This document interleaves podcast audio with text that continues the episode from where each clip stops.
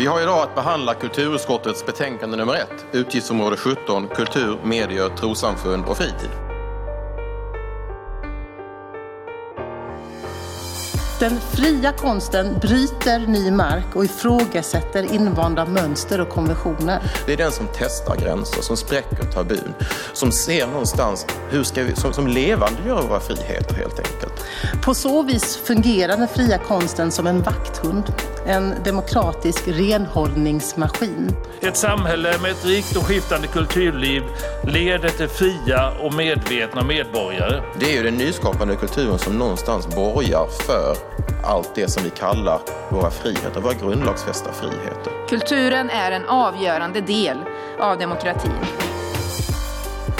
Ja, jag kan ju konstatera att det nämns ju inte mycket om den nyskapande kulturen i regeringens budgetalternativ. Vi har satsat på biblioteken. Vi har satsat på museerna. Vi satsar på barn och ungas läsning. Vi satsar på konstnärernas möjligheter att leva på sitt skapande.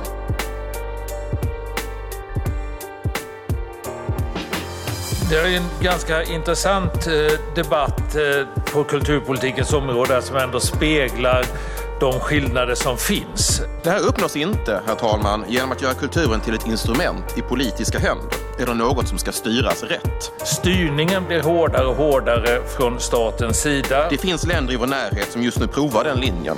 Och det är lätt att raljera över de här förslagen. Det här är inte skojigt.